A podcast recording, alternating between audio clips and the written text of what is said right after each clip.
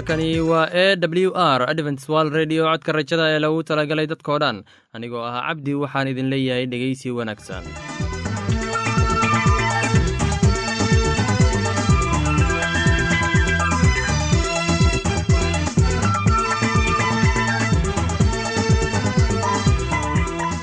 Barnaamijyadeena maanta waa laba qaybood. Qaybta kuwaad waxaad ku maqli doontaan barnaamijka nolosha qoyska. Kadib waxaa inoo raaci doonaa cashar inaga yimid bugga nolosha dhegeystayaasheenna qiimaha iyo qadarinta mudano waxaan filayaa inaad si habboon u dhegeysan doontaan.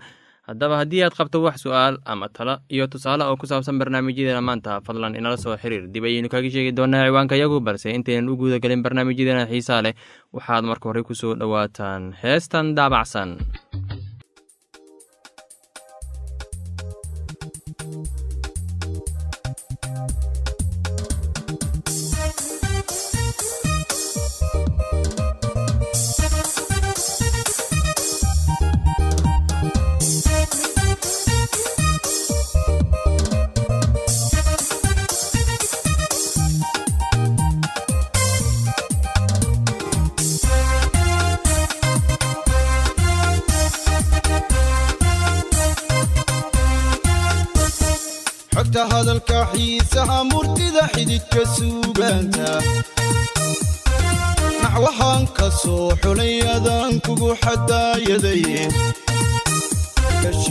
garasha xeel dheere sida xuurar cayntii jannada ledhaxayaaday xafiday xasiliyay naftaad xiise gelisay.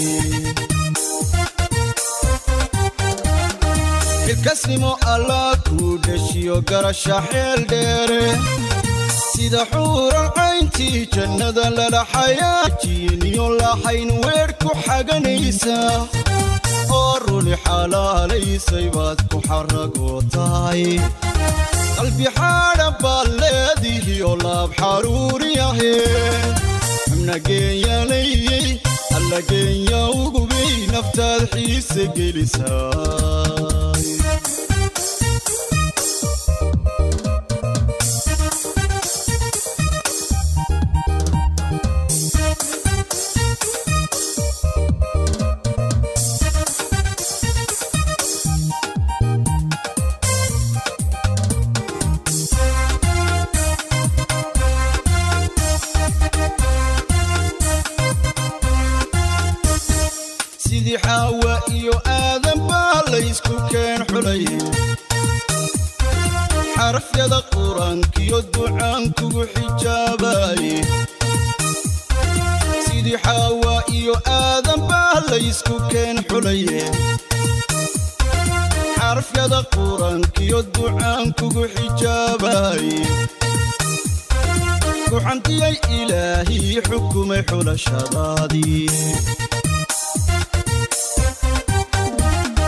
sidii xaawa iyo aadan baa laysku keen xulaye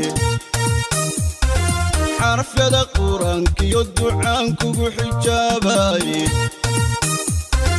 sidii xaawa iyo aadan baa laysku keen xulaye xarafyada qur'aankiyo ducaan kugu xijaabaye kuxantiyay ilaahii xukumay xulashadaadii imtixaan waanay dumar wanaag lagu xasuusnaado. Xasladay habboonay adaan kugu xushmeeyay. Ishaxaasidiintiyo naxligu kuma xumeeyaani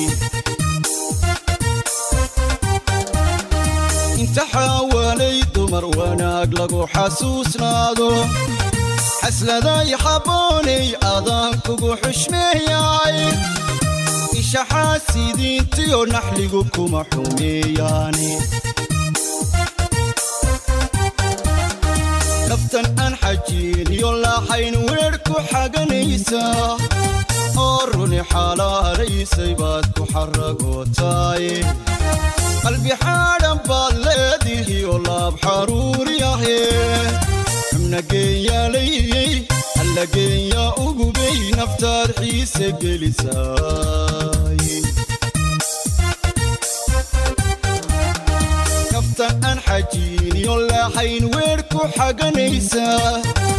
oo runi xalaalaysay baad ku xaragootaay qalbi xaadhan baad leedihi oo laab xaruuriyahe nageenyalayey allageenya ugugay naftaad xiisa gelisaay.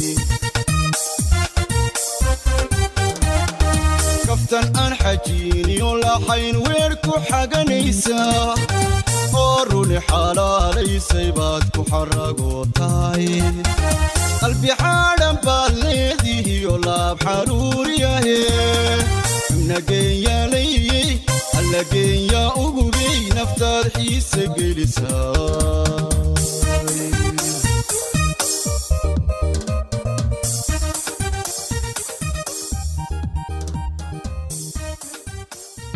waxaan filayaa in aad ka faa'iidaysateen heestaasi. Haddana waxaad ku soo dhowaataan barnaamijkeena nolosha qoyska. Barnaamijkaasi waa barnaamij ka hadla arrimaha guud ee qoyska iyo qofka bini'aadamka ee dhegeysi suuban kulanti wacan dhegeystayaal kuna soo dhowaada barnaamijkeenii nolosha qoyska oo aad wakhtiyadan oo kale aad hawada inaga wada dhegeysan jirteen. Mowduuceena maanta wuxuu ku saabsan yahay nadaafadda guriga. Anigoo ah cabdi waxaan idin leeyahay dhammaantiinba dhegeysi wacan nadaafadda sidaan wada ognahay ma ahan mid rabbaani ah ee waa howl u baahan in la qabto. Sidaad horeyba u maqasheen laakiin nadaafaddu waa mid muhiim inoo ah dhammaanteen nadaafaddu waxay guriga ka dhigtaa meel saxa leh. Nadaafadda guriga ma aha mid rabbaani ah ee waa howl u baahan in la qabto si guriga looga dhigo mid nadiif u ah oo odayga iyo carruurtaba ay u jeclaystaan oo ay mar walba u soo hiloobaan haddaba sidee u aragtaa inuu gurigaagu nadiif u ahaado? Ma howl dhib kugu ahba mise waa mid aad ka hesho? Waxaa laga yaabaa in aadan jeclaysan oo aad dib u dhigato hawsha adoo waxyaabo kale qabanaya ilaa fiidka laga gaaro oo aad markaa ogaato inaadan hawshii qaban. Xaawo oo mar walba ku andacota anigu mar walba howl badan ma qabto. Oo marka aan qabtana maalinta xigta gurigu wuxuu noqdaa wasaq. Anigu waxaan leeyahay guri qurux badan laakiin garan maayo sidii aan si fiican ugu nadiifin lahaa. Haweeneyda xaawo la yidhaahdo way saxan tahay waayo gurigu mar walba nadiif ma ahaan karo. Maalintaad nadiifiso waxaa laga yaabaa maalmo kadib in uu haddana sidiisii oo kale noqdo. Waxaa dhici kartaa in aad ka niyad jabto waayo mar walba oo guriga cunto lagu kariyo ama howl kale lagu qabto wasaq ayaa soo kororta. Sidaa darteed nadaafaddu waa mid loo baahan yahay in laga dhigo mid joogto ah maadaama cunto iyo waxyaabo kale guriga lagu hayo. Adigu garan maysid sida guriga loo nadiifiyo oo raashin fiican miiska loo dhigo. Haweenka guriga hagaajiya qaarkood waxay jecel yihiin in ay hawshooda dib u yaro dhigaan qaarna qaarna garan ay maayaan sida loo nadiifiyo gurigooda. Oo kuwo kalena waxba lama aha shaqada nadaafadda guriga oo way la fududahay waxayna jecel yihiin in ay mar walba si wanaagsan oo niyad ah guryahooda ooga shaqeeyaan. Maxay guri hagaajiyayaal badani ay u joojiyaan inta badan nadaafadda marka shaqo badan u taallo? Waxaa dhici kartaa in ay guriga u yaalaan alaab badan alaabta badani waxay keenaysaa nadiifitaan badan. Waayo waxaan ognahay mar haddii gurigu uu ku badan yahay waxyaabaha xafishka ah in qashinku uu ku badanayo. Haddaba ka ilaali gurigaaga waxyaabaha xafishka ah ee aan muhiimka ahayn ee aan loo baahnayn. Waxaa loo baahan yahay in dhammaan waxyaabaha dhalooyinka ah iyo qasacyada faaruqa ah in dhammaan guriga laga saaro sidoo kale waxyaabaha baakooyinka ah iyo alaabada kale ee mar hore wax laga isticmaalay dhammaantood waa in guriga laga saaro. Nadaafadda ka sokow waxa ay qaadanayaan sbacekii guriga. Haddii aadan rabin in aad mar walba aad raalligeliso marka dadka ku soo booqdo sidan soo socoto ayaa ah sidii aad gurigaaga u nadiifin lahayd laakiin habka guriga loo nadiifiyo waxaa aad uga muhiimsan dabeecaddaada ka raalli ahaanshaha ee ah waxa aad haysato iyo ammaanta reerkaaga. Markaa kadib ayaad u diyaar garoobi kartaa shaqada. Marka aad aragto guri nadiif ah ee aad ku hagaajisay kartidaada shaqsi ahaaneed waxaa jira saddex siyaabood oo aad gurigaaga ku nadiifin karto. Waxaad u baahan tahay in aad xushmayso hawsha la qabanayo in aad isku keento qalabka aad hawsha ku qabanayso iyo ugu dambayntii in aad shaqada bilowdo. Haddaba waxaa loo baahan yahay in mar walba aad hawsha qabato si aysan kugu badan. Ogow haddii gurigaagu uu yaryahay alaabta taalla in mar walba uu ka nadiif badnaanayo guriga ay yaalaan ay alaabaha xafishka ah ee faraha badan. Mar walba waxaa loo baahan yahay in waxyaabaha wasaqda ah aad ku ururiso meel loogu talagalay sida dembiil qashinka lagu ururiyo oo kale. Waxaa loo baahan yahay iyadana in aad carruurta barto alaabta oo aysan qashinka meel walba dhigin. Waxaa loo baahan yahay qof kasta oo guriga ka mid ah in uu dhowro hanaanka guriga iyo nadaafaddaba haddii aad alaab meel ka soo qaaday waxaa loo baahan yahay marka aad dantaada dhammaysato in aad ku celiso meeshii aad ka soo qaaday.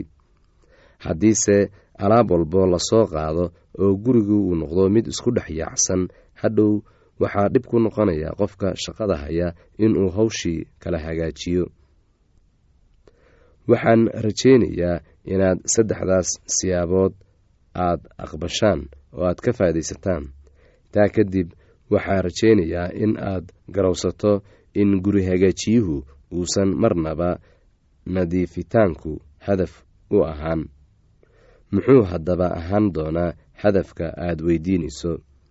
Ujeeddada ama hadafka dhabta ahi ee nadaafadda iyo guriga hagaagsani waxaa weeye farxadda habsamidda iyo isku kalsoonaanta shakhsiyadeed ee qoyska. Waxaan filayaa inaad ka faa'iidaysateen barnaamijkaasi. Haddaba haddii aad qabto wax su'aal ama tale iyo tusaale fadlan inala soo xiriir. Ciwaanka yagu waa codka rajada sanduuqa boosada afar laba laba todoba lix nairobi kenya. Mar labaad ciwaanka yagu waa codka rajada sanduuqa boosada afar laba laba todoba lix nairobi kenya. Imeilka yagu waa somali at a w r o r g. Mar labaad imeilka yagu waa somali at a w r o r g. Ama barta internetka ciwaanka yagu oo ah w w w codka rajada o r g mar labaad ciwaanka yagu waa w w w codka rajada o r g ama waxaad inagala soo xiriiri kartaan barta emesonka ciwaanka yagu oo ah codka rajada at hotmail com. Haddana kabawasho wacani heestani soo socota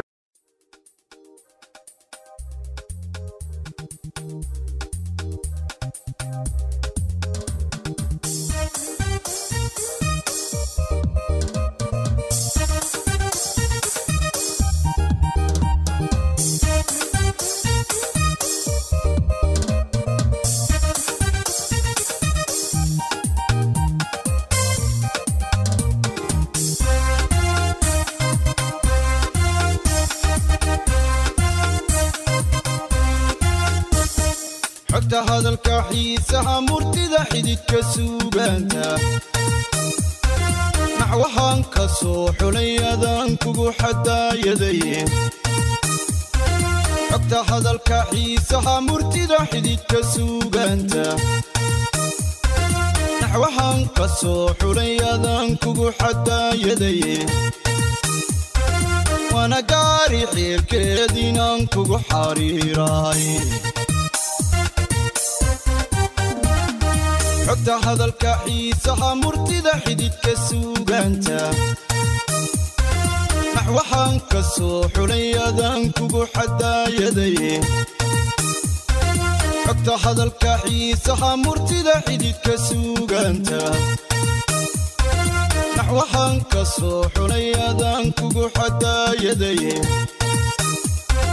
waana gaari xeerkeed inaan kugu xariiraay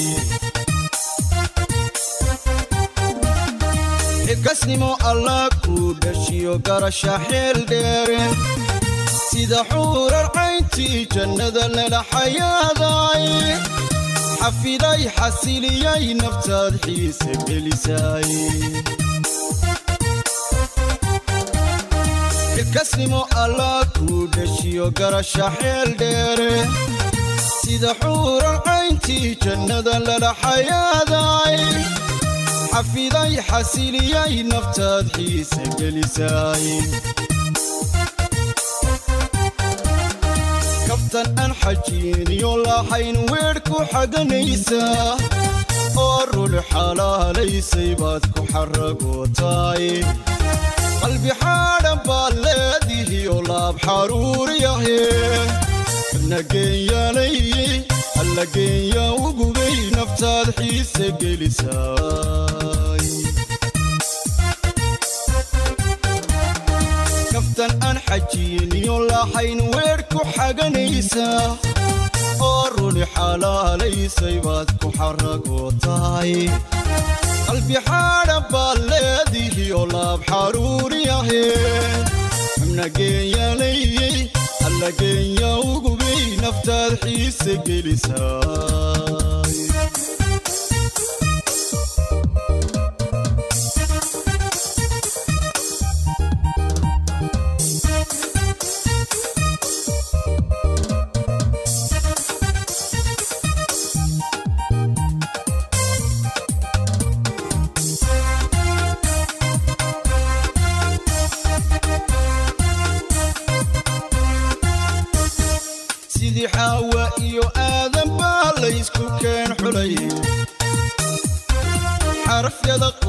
qur'aankiyo ducaan kugu xijaabaye.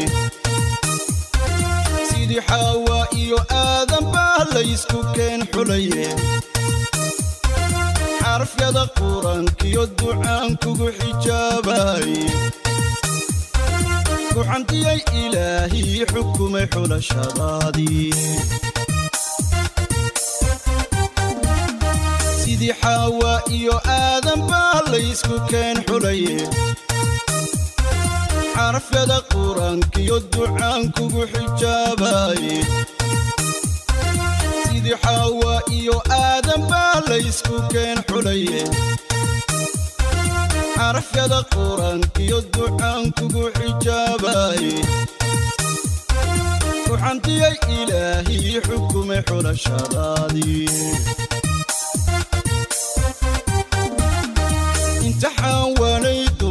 wanaag lagu xasuusnaado. Xasladay habboonay adaan kugu xushmeeyay. Ishaxaasidiintiyo naxligu kuma xumeeyaani imtixaan waanay dumar wanaag lagu xasuusnaado. Xasladay habboonay adaan kugu xushmeeyay ishaxaasidiintiyo naxligu kuma xumeeyaani. Kaftan aan xajiiniyo lahayn weedh ku xaganaysaa oo runi xalaalaysay baad ku xaragootaay. Qalbi xaadhan baad leedihiyo laab xaruuriyahe nageenyaalayey alla geenya ugubay naftaad xiise gelisaay kaftan aan xajiiniyo lahayn weedh ku xaganaysaa oo runi xalaalaysay baad ku xaragootaay qalbi xaadhan baad leedihiyo laab xaruuriyahe. Nageenyaalayey alla geenya ugubay naftaad xiise gelisaay kaftan aan xajiiniyo lahayn weedh ku xaganaysaa oo runi xalaalaysay baad ku xaragootaay qalbi xaadhan baad leedihiyo laab xaruuriyahe nageenyaalayey alla geenya ugubay naftaad xiise gelisaa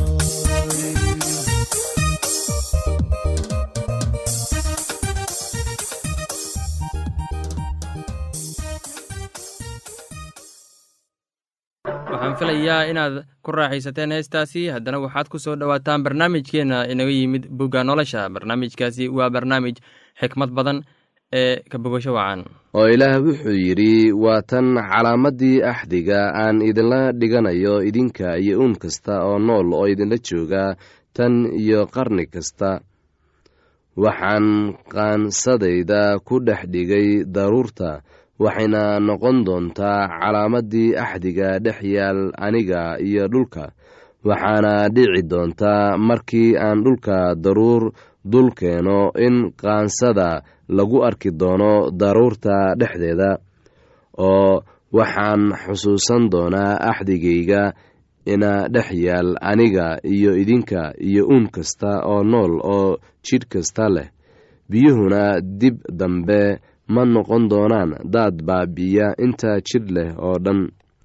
Qaansaduna waxay ku dhex jiri doontaa daruurta anna waan fiirin doonaa iyada inaan xusuusto axdiga weligiis dhex yaal ilaah iyo uun kasta oo nool oo jidh kasta leh oo dhulka jooga.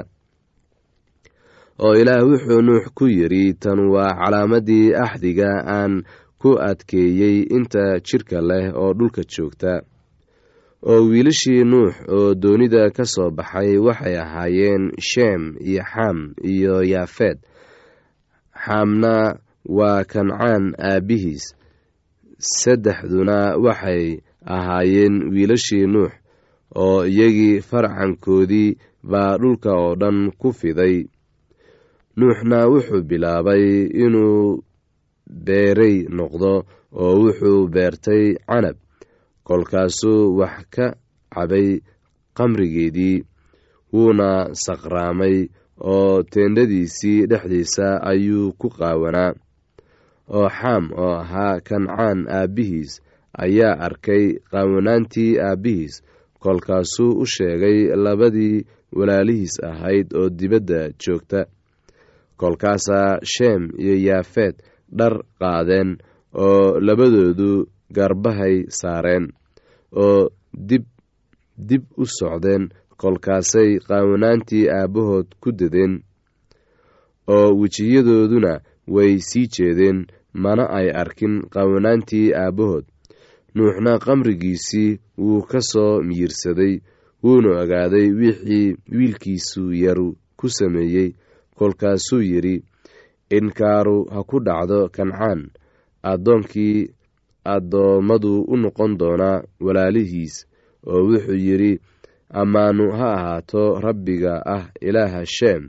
Kancaanna addoon ha u noqdo.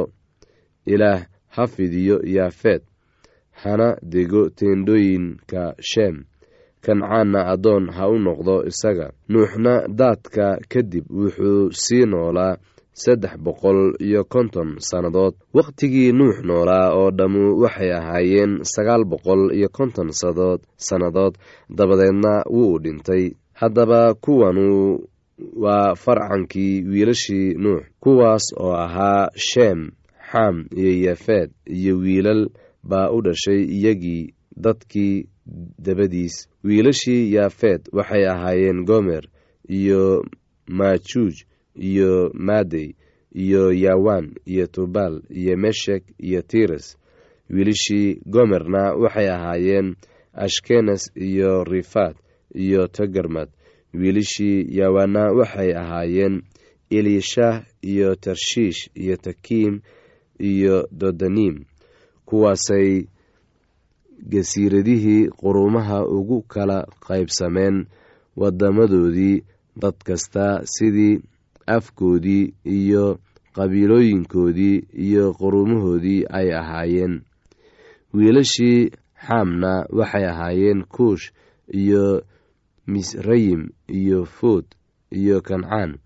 Wiilashii kuushna waxay ahaayeen seba iyo xawila iyo sabtah iyo racmah iyo sebteka. Wiilashii ramcaana waxay ahaayeen sheba iyo dedan kuushna wuxuu dhalay nimrood wuxuuna bilaabay inuu noqdo mid dhulka xoog weyn ku leh. Wuxuu ahaa ugaarsade ku xoog weyn rabbiga hortiisa.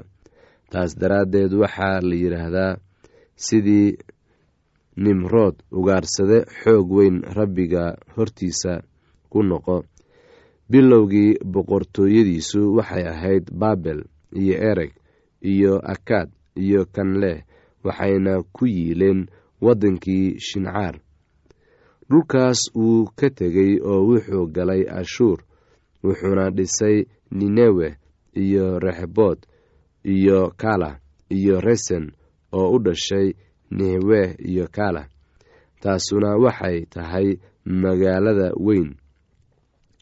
Misrayimna wuxuu dhalay luudiin iyo canaamiin iyo lahabiin iyo naftuxiim iyo fatrusiim iyo kalsuxiim oo ay reer falastiin ka yimaadeen iyo kaftoriim kancaanna wuxuu dhalay sidom oo ahaa curadkiisii iyo xeed iyo reer yebus iyo reer amor iyo reer girshaash iyo reer xiwi iyo reer caqri iyo reer siini iyo reer arwaad iyo reer semer iyo reer xamaad dabadeedna qabiilooyinkii kancaan way kala firdheen oo soohdintii reer kancaan waxay ka bilaabmaysay sidon markii loo kaco xagga geeraar ilaa gasa oo markii loo kaco xagga sodom iyo gomora iyo adna iyo siboyin ilaa laashac kuwanu waxay ahaayeen wiilashii xaam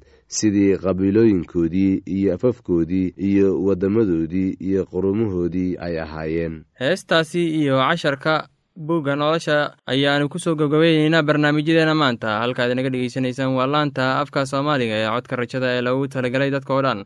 Haddaba haddii aad doonayso inaad wax ka faa'iidaysataan barnaamijyadeena sida barnaamijka caafimaadka barnaamijka nolosha qoyska iyo barnaamijka kitaabka quduuska fadlan inala soo xiriir. Ciwaanka yagu waa codka rajada sanduuqa boosada afar laba laba todoba lix nairobi kenya. Mar labaad ciwaanka yagu waa codka rajada sanduuqa boosada afar laba laba todoba lix nairobi kenya. Imeilka yagu waa somali at a w r o r g mar labaad imeilka waa somali at a w r o r g ama emesonka oo ah codka rajada at hotmail dot com. Mar labaad emesonka yagu waa codka rajada at hotmail dot com. Ama barta internetka ayaad ka akhrisan kartaan barnaamijyadeena iyo ka maqasha sida w w w dot codka rajada dot o r g dhegeystayaasheena qiimaha iyo qadarinta mudan oo barnaamijyadeena maanta waa naga intaas. Tan iyo intaynu hawada dib ugu kulmayno waxaan idin leeyahay sidaas iyo ammaano allah